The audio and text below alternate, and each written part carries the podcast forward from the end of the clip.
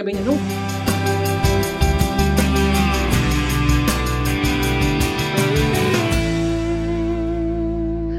Velkommen til Folkepodden. I dag i studio har vi med oss eh, Ina Gravem Johansen, fast spaltist i Folkebladet. Sjefredaktør i Folkebladet, Steinulf Henriksen. Og meg, Maria Holm Simonsen, nyhetsredaktør. I dag er temaet ja, det er ganske stort. Det er kommentering, det å være kommentator.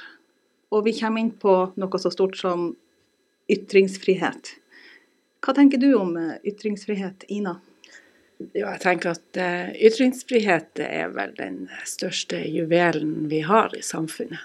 Fordi at uh, all frihet, all mulighet til å definere eget liv, påvirke samfunnet, det, det, bygger på det, enkelt og greit. Og vi har jo et glitrende regelverk som, som, beskytter ytringsfriheten, fordi at av og til så kjennes den litt problematisk.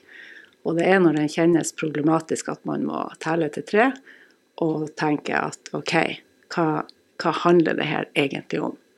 Og i eh, min rolle som spaltist så, så tenker jeg at den, den, oppgaven handler også litt om å spisse.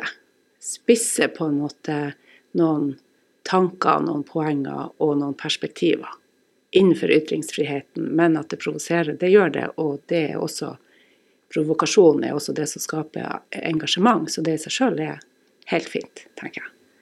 Så når du er i skrivinga, så er du bevisst, altså litt skarp, for å kanskje provosere?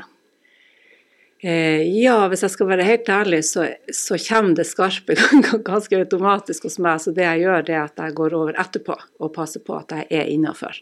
Jeg er ganske oppdatert på på hva, hvor grensen går. Så, så jeg, jeg, går igjennom mange ganger før jeg leverer det ifra meg. Men eh, litt av det å, å få en slags um, litt sånn punch i teksten, eh, det handler også om å, å, dra poengene litt mot ytterkantene. Så det, er, det tenker jeg at, at dette er et betalt oppdrag. Det skal ikke være, det skal ikke være liksom helt flatt, det skal engasjere. Det er, det er oppdraget. Et betalt oppdrag, eh, det er ikke alle som skjønner det, Steinulf? Nei, jeg har jo fått mange spørsmål rundt det, men uh, vi starta jo for Wina Ina er jo på tredje året nå som fast spaltist sammen med han Stein Gunnar Bondevik og han Ronny Trælvik er en tredje som av og til også skriver uh, og er spaltist. vi regner som spaltist. Det er jo helt vanlig i norske medier og norske aviser å ha betalte spaltister. Og eh, vi har eh, for så vidt hatt det tidligere også, eh, men, men gjorde jeg for tre år siden og prøvde å lage et, en fast team som da skriver. og Sten Gunnar og Ina de skriver jo hver uke. Og Det er for å skape engasjement, som Ina sier. Og Oppdraget er å skrive om aktuelle tema som engasjerer og som provoserer, gjerne. Og det kan være positive ting. altså man roser et godt initiativ, eller gjerne at man kritiserer eh, ting som har skjedd i, i samfunnet. Og eh, det engasjementet der, altså, de leses mye. Det er veldig mange som, som leser de faste spaltistene. Og Ina er jo også sånn at eh, hun har veldig mange som er begeistra for det hun skriver, og som melder tilbake. Det ser vi på sosiale medier, som, som støtter det. Og så er det veldig mange på helt andre sider som blir veldig provosert. Det, det, er nesten ikke noe midt imellom. Det er ikke noe gråsoner. Det er liksom enten for eller mot. Og det, Som redaktør så syns jeg det er helt perfekt. Det er akkurat sånn det skal være. Har du noen gang tenkt at oi, der er, nå er hun litt nært den ytterkanten? Ja, og det er ikke alt jeg er enig med det Ina skriver. Eh, og sånn skal det jo være. Eh, jeg er opptatt av at de fakta som presenteres og, og sånt, altså at det skal være korrekt og innenfor de, de vanlige rammene. Men som Ina var litt inne på, vi, altså vi har jo en fantastisk stolt tradisjon i Norge. Det er over 200 år gammel paragraf 100 i Grunnloven. Eh, som heter 'frimodige ytringer er enhver tillatt' osv. Og, og det er jo akkurat frimodige ytringer, det er jo det hun Ina holder på med, og en del andre som skriver aviser, gjør det jo sjøl òg, og har jo òg provosert Eh, folk såpass mye at de har trua både med Og har jo vært i PF, Pressens faglige utvalg og osv. Når du skaper et sånt engasjement, så, så jeg tenker jeg at det er sånn det skal være. Men man må holde seg innenfor de rammene vi har, etiske rammer. Og, og det gjør vi jo stort sett. Det skal veldig mye til for en, heldigvis, for en personlig kommentar, lederartikkel, hva det måtte være, eh, til og med havne under behandling i Pressens faglige utvalg, og enda mindre i rettssystemet vårt. Det er utrolig sjelden, for der er takhøyden heldigvis kjempehøy i Norge. Men vi ser jo stort engasjement i kommentarfeltene, og eh, med hvert, eller faktisk kanskje litt ofte, litt for ofte, at folk vil at noen skal stagges, eller de roper etter sensur. Hva skal til for at man går for langt? Nei, altså det er jo Grensa av det som vi er kanskje mest opptatt av, det er dette med usaklige personangrep, eller at man beskylder folk for, for ting og, og, og, passerer noen grenser der innenfor den eh, private sfære osv. Sånn. Men jeg tenker, og Ina skriver mye om offentlige myndigheter og, og og næringsliv og, og sånne type temaer. Og, der jo, og, der skal jo takhøyden uh, være stor. Det er jo veldig aktuelt tema akkurat nå når vi ser hva som skjer i uh, Ukraina og ikke minst i, i Russland. Dette med, med, ytringsfrihet og dette med å bringe frem fakta og ha en åpen debatt i, uh, i demo, altså, en utrolig viktig del av, av demokratiet. Og at et samfunn skal fungere godt det skal vi være stolt av i Norge, at vi, eh, vi har en paragraf 100. Men å være litt omstridt, og som han Steinulf sier, altså det blir litt sånn hat-elsk, hvordan er det å stå i det? Ja, dette er jo en eh, jobb som jeg, eh, som jeg tenker at jeg er privilegert som jeg har. Fordi at eh, det å få lov å ta plass i det offentlige ordskiftet, det er nettopp utrolig eh, verdifullt. og det er viktig, og det er, har enorm respekt for oppdraget. Og når jeg har gått inn i denne eh, jobben, da, så, så, er det jo faktisk bare en bekreftelse når du stormer litt, for det er jo det som er meninga, altså at det skal engasjere. Så, så det tenker jeg at det, det, det kommer med jobben. Og blir det stille, så blir jeg mer bekymra. Men er det noen gang du tenker at oi, det her er tøft å stå i? Ja, det kan jo være, men det er det alle jobber. Så jeg er litt opptatt av at eh, det er mange som har tøffe jobber, og jeg har ikke den tøffeste. Vi har jo vært igjennom en pandemi som har virkelig eh, liksom slettet på helsevesenet, f.eks. Og vi har masse, masse organisasjoner som daglig sliter for å få endene til å møtes, og ikke minst innen inn f.eks. helse- og sosialsektoren. Så jeg blir aldri å tenke at, at jeg har det tøft i så måte. Men sånt engasjerer jo meg og, og til å skrive videre. Samtidig så registrerer jeg jo med forundring nettopp det her, hvor mange som tenker at dette er jeg kjempeuenig i, du skulle ha vært sensurert. Det syns jeg er en jeg, jeg, tror jo at det ikke har vært igjennom en veldig djup refleksjon før man kanskje sier det, men jeg syns at der skal man tenke seg litt om. For det at vi har jo eh, Putin rett over grensa, det er ikke langt unna oss, og han bruker nå sensur som en del av krigsføringa. Så vi har det nært innpå oss hvor, hvor skjørt det der er. Så har vi vel andre, andre tendenser ute i verden som kan gå litt løs på ytringsfrihet. Jeg skal ikke nevne eksempler, men er ytringsfriheten under press i Norge òg? Hvis du spør meg, så registrerer jeg i hvert fall at eh, mange syns at vi har en tendens akkurat nå for tida. Eh, det er jo sånne diskusjoner som går på har vi en kanselleringskultur, at folk, eh, kunstnere og debattanter blir, har opplevd seg avlyst fra arrangementer, utstillingsplasser, fordi at de forfekter ei holdning som kanskje oppfattes som politisk ukorrekt. Eh, og det er klart at hvis, hvis, man begynner å gjøre individuelle vurderinger eh, av ytringsfriheten som er strengere enn det loven tilsier, så er man kjempeskummelt ute å kjøre. Vi hadde jo, jeg vet ikke hvor opptatt dere er av Oscar. Men der hadde vi jo nesten kanskje et eksempel på det her med ytringsfrihet og konsekvensene når noen prøver å stagge deg.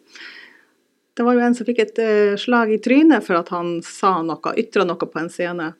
Hva tenker dere om den situasjonen? Ja, det var jo til og med egentlig ment som humor, da, så traff han kanskje ikke helt godt da. og sånn så Det var veldig spesielt å se. Jeg trodde jo det var en del av, av showet, men det var det jo da ikke. Men det handler jo akkurat om det samme. Det er jo en ytringsfrihet, og der er jo dette med humor og satire som det der vel egentlig var. Det var vel litt sånn standup. Eh, der skal jo også terskelen, altså det skal være himmelhøyt eh, terskel for å, å drive med sånt. Eh, så ble det jo oppfatta med at det, som en nevnte i stad, det var et sånn, ble oppfatta som et sånn personlig eh, angrep inn i den private, private sfære. Um, men dette med sensur er jo, som Ina snakker om, er jo veldig viktig å, å ta tak i. For at det er Jeg ble forundra over, etter 25 år som redaktør, hvor mange også maktpersoner innenfor politikk og næringsliv Eh, faktisk har henvendt seg til oss og sagt at dere bør stoppe vedkommende. Ikke, ikke Ina nødvendigvis. Jo, jeg har fått det òg. Eh, med beskyldning om både politisk tilhørighet som ikke er riktig, og om andre ting. Eh, og, men også andre som har ytra seg ganske mye i mediene opp gjennom årene. At fått beskjed om nå bør dere stoppe vedkommende, nå er det nok. Eh, da svarer jeg bare det største problemet er ikke de som ytrer seg, det er faktisk de som ikke ytrer seg. Eh, hvis du ser i den, den lokalpolitiske debatten, så er det altfor få stemmer. Altfor få som tør å, eller gidder, å ytre seg og være med på en åpen samfunnsdebatt. Og Det var jo også en av grunnene, og det er en av grunnene til at mediene faktisk knytter til seg faste spaltister for å få i gang en, en god eh, debatt, enten på riksplan, regionalt eller lokalt. Og det har vi jo lyktes med, eh, med de skribentene og spaltistene som, som, vi har. Men jeg skulle gjerne hatt masse, masse flere lokale ytringer. Og så er det kanskje nettopp det at noen, spesielt på sosiale medier, da, eh, prøver å stoppe eh, ytringer, altså en slags form for sensur, som skremmer folk fra å delta i debatten. Og det det er alvorlig. Handler det litt om politisk korrekthet? Altså det å, å, tørre å stå opp for noen meninger som kanskje ikke oppfattes som den riktige å ha? Ja, jeg tror at det handler om bl.a. det. Og så handler det om eh, eh, Det handler nok litt om posisjoner også, og forventninger. Og jeg tror at det kan variere litt rundt i landet hvor mye forventninger det politiske miljøet f.eks. har rundt eh, å bli sett i kortene, på en måte. Eh, det som er litt eh, synd, det er når, eh, når et kritisk innspill blir oppfatta som negativitet, eller eh, et, et, slags sånn forsøk på å Ja, som en trussel, på en måte. For, for eh, det, er jo, det er jo derfor vi har eh, altså media, det er jo det media skal gjøre. Løfte på steiner, snu og vende. Eh, få fram ulike perspektiver på det som skjer før det skjer, mens det skjer, og etterpå. Hele tida. Det er jo en helt eh, fantastisk eh, eh, løsning vi har laga i samfunnet. At vi har den, den, funksjonen som skal være på ballen hele tida. Da syns jeg synes det er litt sånn rart eh, når, man, når, det blir møtt med forbauselse. For jeg tenker at det er en selvfølge. Det er en del av gamet. Sånn er det. Sånn skal det være. Mm. Jeg opplever jo, ser jo at og det, og det er jo gjerne personer, gjerne de som sitter i posisjon i politikken, og de som ja, er sentrale krefter i næringslivet, som, som tilsynelatende vil ha et lokk over ting. Og Ina og jeg òg har jo skrevet masse f.eks. om sjømatindustrien. Vi er i Norges største sjømatkommune hvor Ina har påpekt i en del artikler et kritisk søkelys, mens jeg senest i november skrev en som ble oppfatta av Naturvernforbundet blant annet som en panegyrisk hyllest av oppdrettsnæringa. Det jeg skrev om, det var jo hvor fantastisk det er at alle de arbeidsplassene som kommer til regionen gjennom to gedigne SalMar-etableringer på Senja. Og, og, det å være Norges største sjømatkommune med 11 milliarder snart i, i omsetning, det er jo helt fantastisk isolert sett. Og så står hun innenfor et annet syn, og så kommer det lesebrev fra Naturvernforbundet, og så kommer det fra næringslivet som eh, syns at vi er for negative. Da er jo debatten i gang. Da, det, er jo, det, er jo, sånn samfunnet skal fungere. Min gamle sjef i Nordlys, Ivan Kristoffersen, har begynt å si at det er konfliktene som driver samfunnet fremover. Og det er noe i det. For da får du belyst alle sider med ei sak. Får en, en, en, debatt. Og det er jo klart alle, alle næringer, uansett hva du driver med, har sine positive og sine negative sider. Dette må fram. Det er jobben vi har som eh, mediefolk. Og spaltister. Få fram meningen for å få økt forståelse for at en sak har flere sider. Og så kanskje kan man gjøre litt mer eh, reflekterte eh, ting sjøl når man er på Facebook og hiver seg i kommentarfeltet. For der er det vel en del Ja, det kan av og til være Du blir anklaget for å være negativ, men i kommentarfeltene der er det i hvert fall negativt, er det ikke det? Ja, spør du meg om det? ja, det er noe mye positivt òg, vil jeg si. Eh, men det er mye negativt, og det er mye, det er mye litt sånn der eh, å ta tenning og hoppe i taket. Eh, og uten sammenligning for øvrig, men du nevnte det med Oskar, den hendelsen. Det er jo ikke så dumt det der å telle til, om man ikke kommer til ti, i hvert fall tre-fire. Prøv det før man verken skriver i vei eller hopper opp av stolen eller noe. For for vi er alle avhengig til syvende og sist av et sånt relativt OK klima for, mm. å, for å, holde ting, eh, også debatten gående. Har um, du noen gang skrevet et innlegg, og så har det kommet flere stemmer til, og så har du tenkt hm, altså at du har fått et annet syn på temaet du har tatt opp? Ja, det, det har skjedd, og særlig, eh, særlig hvis at, at man får liksom at det blir en, et sånn skred av Altså at det blir en ordentlig, det som man kaller en debatt. Så kommer det jo eh, alltid innspill som man ikke har fullstendig oversikt over. Eh, og det er jo veldig, veldig lærerikt. Og jeg prøver jo å, å, følge med på det, for jeg er jo engasjert. Det er jo det, er jo det jeg er. Så um, mitt oppdrag er jo det å finne noe som er i nyhetsbildet.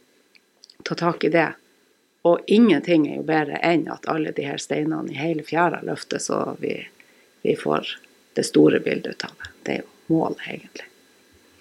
Det er jo, det er jo viktig å være klar over den, den makta man sitter på, både som en redaktør og som en spaltist. Også at man er ydmyk i forhold til akkurat det. Og, eh, det tenker jeg på mange ganger. Man, eh, og av og til så kan det jo være eh, veldig greit å ikke bare telle til ti, men kanskje til og med sove på ting. Og Det er jo det som er litt av problemet på sosiale medier. Eh, og de trollene som vi ofte snakker om der ute, de bare hamrer løs. Eh, nesten i sinne. Og publiserer før du har tenkt deg om. Jeg bruker å råde folk som, som kommer med, med f.eks. sende inn leserinnlegg som jeg ser er skrevet faktisk i, i sinne. Nesten så du kan se at de blir sintere og sintere jo mer de skriver. Så pust med magen, tenk på det her til i morgen. Hva, er, det, er, det, klokt, er det riktig? For av og til så uh, gagner det ikke debatten når det, når det, når det blir sånne ytringer. Og, på sosiale medier spesielt så er det, er ofte mange gode debatter som blir ødelagt pga. Uh, de, de såkalte nettrollene som uh, De mener med ytringsfrihet, de òg. Altså men, men, det kan være greit å, å puste litt. Du blir jo med hvert anklaga for at du er du har tatt et politisk standpunkt, men det har du ikke. Eh, det er jo vanskelig å svare på det, for man er jo altså Hjernen er jo relativt etablert, jeg er jo voksen. Eh, men det som jeg tenker ofte, så, så, jeg, så, så handler det kanskje om at jeg har eh, jeg har ofte tatt et kritisk standpunkt til det som jeg mener er uforsvarlig utbredelse av oppdrettsnæringa. Og da tenker jeg alltid at den næringa er så vanvittig sterk. Både økonomisk, men også politisk, pga. at det er kartlagt at, at den næringa har en, eh, en, veldig veldig sterk lobby som, som faktisk får gjennom eh, ting politisk. Det er mange, det skal mange stemmer til som meg før at vi egentlig er litt eh, At det er likeveid. Så det tenker jeg at det oppdraget, det, det, det tar jeg på meg foreløpig. Og, og, så Og så ønsker jeg selvfølgelig at næringa og også de som bestemmer, kanskje tar inn litt flere perspektiver enn jeg syns er rådende i dag. Så det, det, er også oppe til evaluering hos meg, men foreløpig så, så virker det ganske skjevt, sånn som jeg ser det. Så du var ikke hoppende glad over Steinulf sin eh, euforiske oppdrettskommentar? Ja, ikke noe imot det, for det er jo en del av det. Altså det er klart, Arbeidsplasser og næringslivet osv. Det er jo en, en, viktig del av samfunnet. Eh, og så føler jeg fremdeles at, at de eh, miljøperspektivene er ikke kanskje underkommunisert, men de er ikke agert på ennå. Og de, de ageres ikke på i i mange av de politiske forslagene som legges fram. Så da, da holder jeg på det, det perspektivet. Jeg syns det er veldig viktig. Og jeg, jeg gjorde den, den eh, speilinga til en kommentar jeg fikk eh, i forhold til at det var noen som mente at jeg er næringsfiendtlig. Eh, og sikta vel, tror jeg, til det med oppdrett. Men det er jo alt, det er jo hvordan man ser på det. Jeg er jo veldig positiv til naturen og naturressursene. F.eks. Skreien har jo gjort, gjorde jo Norge til en handelsnasjon lenge før den første merda kom. Så jeg er jo positiv til mesteparten. Så alt handler veldig mye om hva man ser, og hvordan man ser på det. Men eh, kritisk til eh, oppdrettsnæringa, men det betyr ikke at du, du ikke tilhører ikke noe parti? For det er noen som jeg til, Nei, jeg tilhører ikke noe parti og er ikke medlem av noen politiske organisasjoner. Nei. Og Det hadde vi jo klarert før Ina begynte, selv om det ikke nødvendigvis er noe altså, Det er jo ikke noe must, det. Eh, Kari Elisabeth Kaski eh, er fast partist og har vært det i mange år i Dagens Næringsliv. Hun er jo SV-er. Eh, det er helt vanlig å knytte til seg altså politikere som faste spaltister. Det er klart det er litt mer krevende i lokalavis som oss, spesielt siden vi har to til tre faste spaltister og sånn. Men jeg syns vi har funnet en bra balanse der. Og så representerer jo kanskje jeg også, som jo skriver eh, en del lederartikler og kommentarartikler, eh, heller ikke tatt noe sånn politisk standpunkt, heller ikke til oppdrettsnæringa. Jeg har skrevet både positive og negative ting om, om den næringa. Det jeg er ute etter, er jo mange stemmer. Og jeg skulle jo ønske alle som kritiserer oss for å Vi, vi blir jo kritisert for mye. Eh, jeg skulle ønske mange av de stemmene som, som kritiserer oss, eh, kunne ha tatt, altså, skrevet et leserinnlegg eller ytra seg. Men når du spør dem om det, så nei, det, det ønsker de ikke. Og da, da, har du på en måte tapt din rett når du ikke, når du ikke benytter anledninga du har eh, til å bruke de ytringsfrihet. Men når det er sånn mangel på, på stemmer som tar penna fatt, hvor henter dere inspirasjon til hva dere skal ta penna fatt med? Ina? Ja, det er jo et godt spørsmål. Eh, eh, det kommer seilende noen ting som engasjerer. Det går ganske greit, rett og slett. Eh, en positiv bieffekt av en sånn rolle er jo at eh, man holder seg oppdatert. Så jeg ser jo mye nyheter. Jeg føler at jeg har litt oversikt over hva som skjer i verden. Og verden er veldig engasjerende, altså. Så, så det er ikke det store problemet noen ganger så, så, må jeg kanskje gå noen runder med meg sjøl for å tydeliggjøre et standpunkt rundt en sak. Eh, men det er jo også en interessant øvelse å gå inn i det for og imot. Og de spisseste kommentarene har kanskje ofte det mest saklige grunnlaget. Så jeg holdt på som en sånn skolestil på ungdomsskolen imot og opp og ned og lage bolker før jeg dundrer løs på den ene sida. Så det er, en, det er, også en måte å produsere tekst på. Det ligger, det ligger en analyse bak. Og da, altså for det er, jo, det er jo mange temaer du er innom. altså Det er fra barnevern, skole, lokalpolitikk, altså nasjonal nasjonalpolitikk, alt mulig. Og det omfatter jo utrolig mye fakta, lover. Bruker du mye tid på å få det på plass? Ja, det gjør jeg egentlig. Det er mye, mye research, spesielt på, på sånt som som er lovtekster, faktagrunnlag, statistikker, forskning. Så ja, det Men det blir jo bare mer og mer interessant jo dypere man går, går, inn i ting. Så ja. Altså det blir de siste årene veldig mye enklere å skaffe seg fakta. Altså de kildene man bruker som Google og Wikipedia blir stadig mer å stole på. Og det er mye lettere å finne avisartikler. og uh, Før så bladde man i bøker og store norske leksikon. Nå, nå, nå, ligger jo informasjonen der veldig tett på. Det er et søkeord, og så, og så har du det, så må du selvfølgelig kvalitetssikre det av og til. Men det som for min del gjør det altså Jeg følger med i nyhetsbildet lokalt, regionalt, nasjonalt og verdensbildet som det har vært de, de siste årene, kan jeg si, både med pandemi og krig, ikke minst nå. Så, så, så har man jo jeg diskuterer jo ikke minst med en håndtegner som han Trond Sandnes som bruker å tegne på lørdag, så diskuterer vi temaet og finner fram til det. Men det er jo ofte nyhetsbildet som regulerer det. Og Så ser jeg én ting, og det gjelder Ina også, og, og andre eh, som skriver hos oss. Vi, vi ser jo hver, hver dag hvor, hvor, mange altså hvor mange som leser artiklene og følger med på trafikken. Og derfor det er ingen tvil om at det handler om timing òg. Ina skrev en artikkel om sykepleiere under pandemien som jobba vetta seg og tjente altfor dårlig. Den ble jo også da delt på Sykepleien, som er fagbladet for syke, og blant sykepleiere, og var jo det året, og det var vel i 2020, ja. en av de mest leste artiklene i hele Norge eh, det året. Så, og det handler om timing. Den kom akkurat perfekt da den debatten faktisk ikke raste som verst, men den var med å utløse en enda sterkere debatt rundt, eh, rundt temaet. Og den gikk vel trykt i VG òg, eh, den artikkelen. Som, som, og det jeg jo opplevd liksom, når, man, når man treffer eh, på timing at det er et tema som veldig mange er engasjert i, så får du mangedobla antall lesere. Så oppleves det veldig av og til at du, man bommer, og desto færre, som da Men det er jo sånn at man kan ikke bare skrive om engasjerende tema hver uke. Det er en umulighet. Det, av og til så må man ta noen hvileskjær også, og kanskje henvende seg til et litt smalere publikum.